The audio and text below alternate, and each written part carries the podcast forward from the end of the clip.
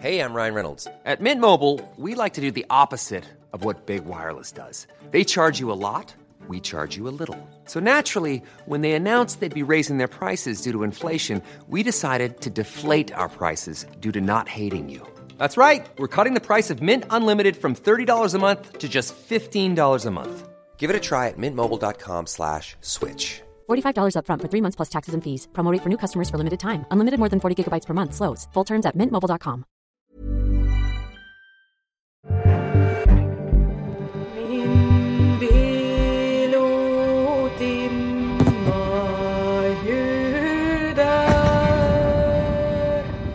Ukraina finns en unik svensk koloni, Gammalsvensk by.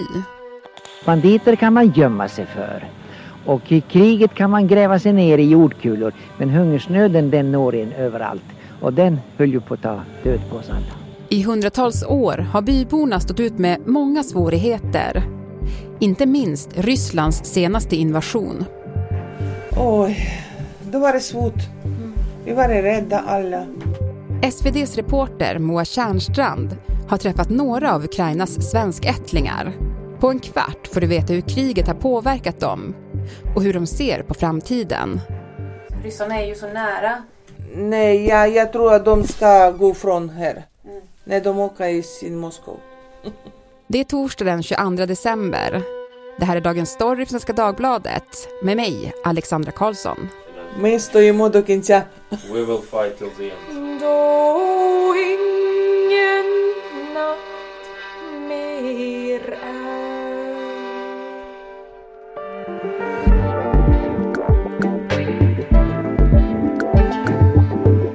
Moa Tjärnstrand, utrikesreporter här på Svenska Dagbladet som precis kommit hem från Ukraina. Du som varit där, hur skulle du beskriva läget just nu?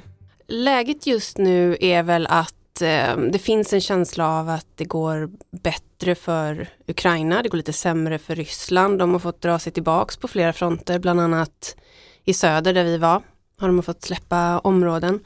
Ehm, Samtidigt då så är det ju väldigt mycket beskjutningar mot ukrainsk infrastruktur, alltså elnät, kraftstationer, vatteninfrastruktur och sådär som ställer till det otroligt mycket för människor. Det är ju eh, jättejobbigt och en väldigt tydlig bild av kriget just nu skulle jag säga. Det är det som alla pratar om i Kiev, till exempel när vi var där och även i de södra delarna har de inte haft någon el på kanske en månad. Um, det är väl ingen som egentligen tror på några möjligheter att samtala just nu. Eh, varken i det internationella samfundet eller i Ukraina. De som jag pratade med där var sådär, de tyckte inte att samtal var eh, på tapeten just nu. Och sen så är det ju frågan om eh, Belarus och deras roll i konflikten. Det har ju pratats en del här nu om att det kan vara ett nytt eh, markangrepp på gång från Ryssland från norr och kanske att de kommer ge sig på Kiev igen. Eh, om det då i sådana fall skulle utgå från Belarus och vilken inblandning Belarus skulle få och sådär. Russia's president makes a rare trip to his smaller neighbour, Belarus, and the timing has everyone wondering why. Så det tror jag vi kommer få höra en del om här de närmsta månaderna, månaden.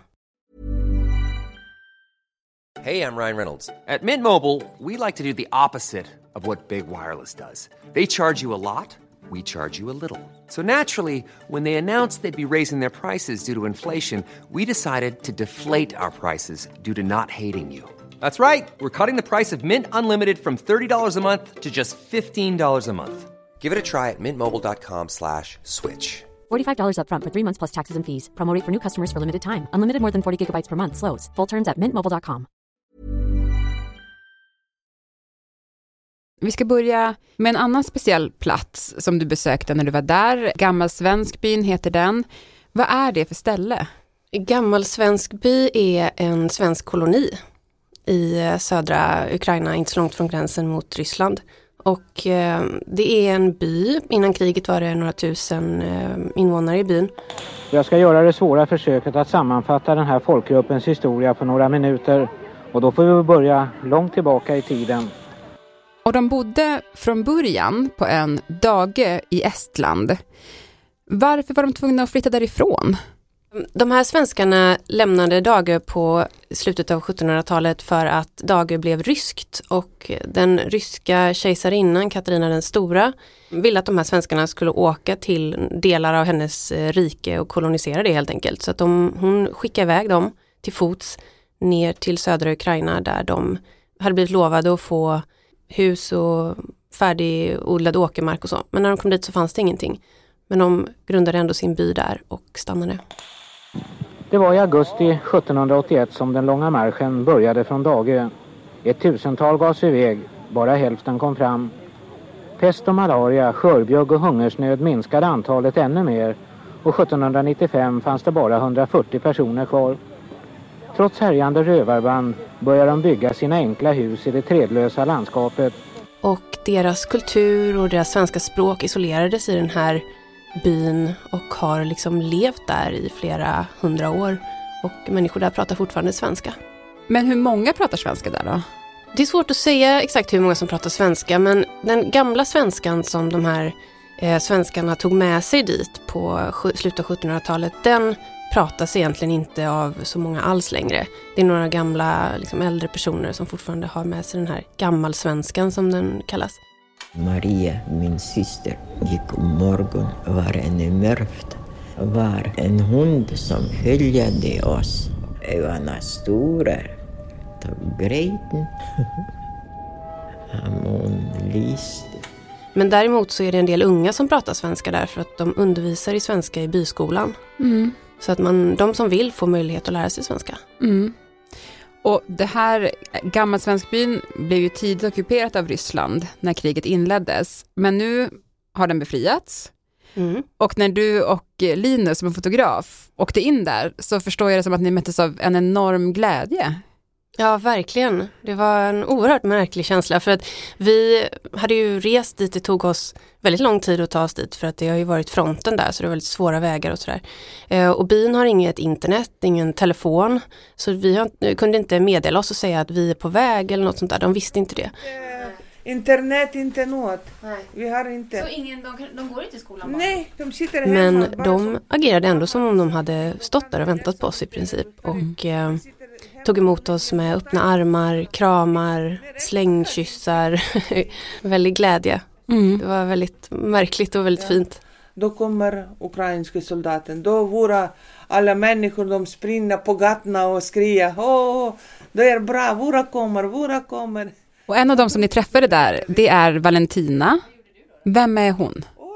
Valentina är en av de här äldre personerna i byn då, eller äldre, hon är 59 men hon Eh, är en av de få som fortfarande pratar en version av den här gammalsvenskan. Alltså den här svenskan som har levt kvar där i byn från 1700-talet. Ehm, hon har på något sätt blivit en symbol för byn. Hon eh, träffar ofta turister som kommer dit. Eh, hon är väldigt villig att prata och nu när vi kom så hade inte det varit turister där på länge. Dels av pandemin men också kriget då såklart.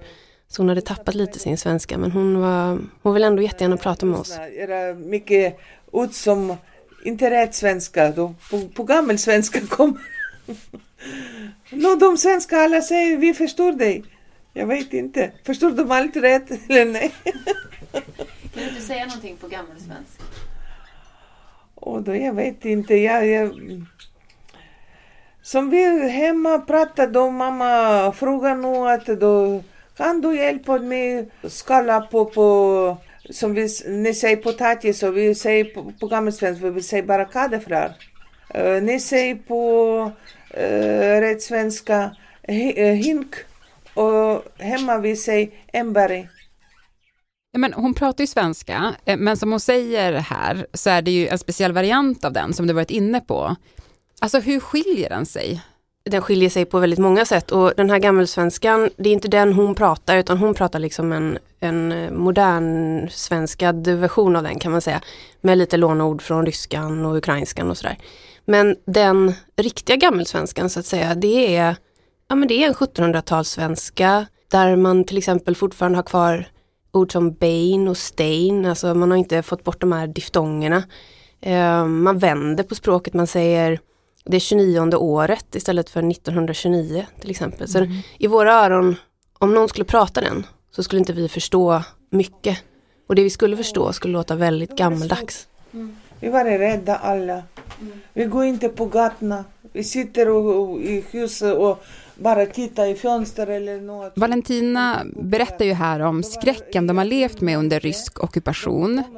Hon säger att ryssarna gick från hus till hus och letade efter soldater från den ukrainska armén. En hus, andra hus och titta, titta och då... vill, Och de tog också med sig några byns pojkar. Då var det svårt för eh, de tar pojkarna och, åka med dem i Kachovka eller eh, vi vet inte. Och de var inte hemma på, på två dagar, på tre dagar, på, på en vecka. Och Valentinas syster, hon åkte till Sverige. Ja, min syster med sin familj. Vet du var de är någonstans? Och eh, jag glömde bort, eh, det är svårt, eh, internet gör inte. Och vi kan inte prata långtiden. Och kopplingen till Sverige gjorde ju att många från byn flydde hit när ryssarna invaderade. Vi har mycket kompis också i Sverige, för jag var i Sverige mycket gånger. Och vi träffas med svenska människor. Du, hur märker man annars av det svenska arvet där då? Man märker det genom att människor är väldigt intresserade av Sverige och har eh, liksom en väldigt stor kännedom om samarbetet som har funnits eller som finns med Sverige. Det har kommit ganska mycket hjälp från Sverige till Gammelsvenskbyn från eh, olika föreningar och sådär. Och eh, nej men många känner att man har väldigt varma och starka band till Sverige. Sen ska man säga att det är inte alla i byn som är svenskättlingar, det är kanske 10 procent eh, Mm. då innan kriget. Men även de som inte är det har liksom en eh, varm idé om, om Sverige och Sveriges roll i byn. Mm. Och det finns också en speciell koppling till Gotland. Hur ser den ut? Ja, det är ingen enkel fråga. De här svenskarna som kom till byn på 1700-talet, de bodde där, kämpade på. På 1920-talet så var det väldigt eh, mycket svält i byn, det var väldigt svårt för de människorna. Det hade varit ryska revolutionen precis innan. Så de ansökte, de här byborna då som var ungefär 900 pers vid det laget, om att få emigrera, alltså lämna byn, lämna svälten. Åka till Sverige och så fick de göra det för eh, Moskva. Så de åkte till Sverige, reste upp genom Europa och fler än hälften av dem bosatte sig då på Gotland.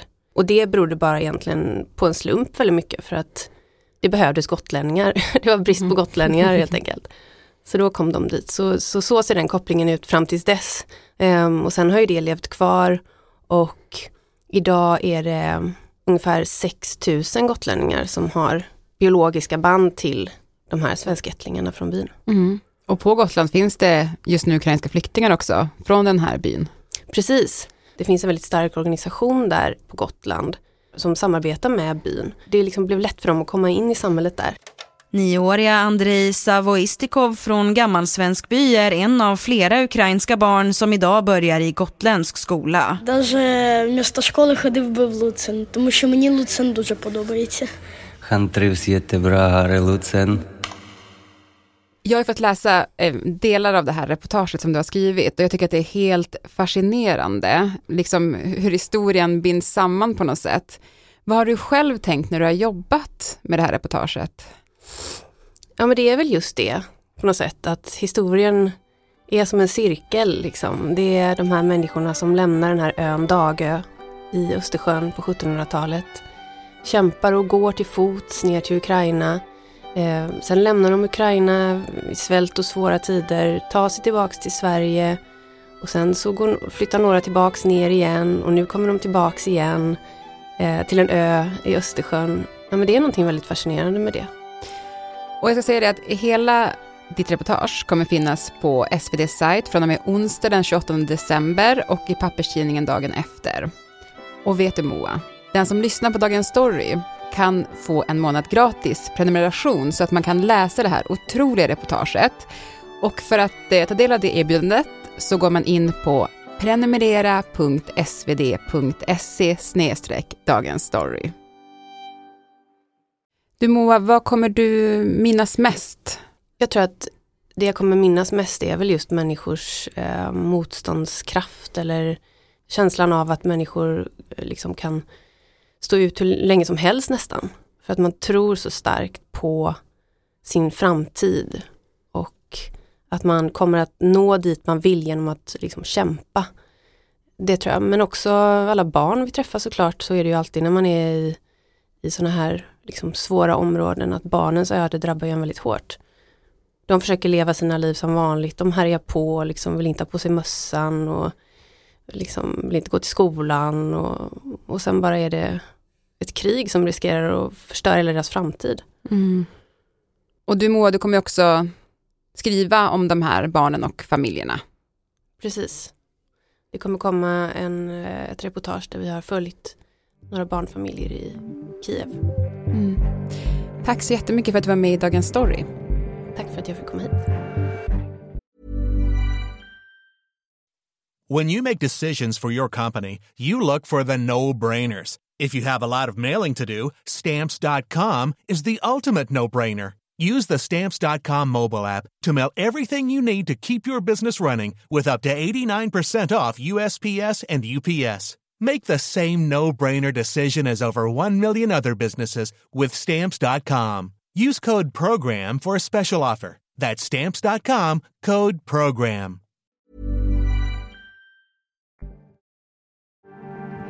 Programmet idag producerades av Kajsa Linderoth, redaktör var Erika Hallhagen och jag heter Alexandra Karlsson.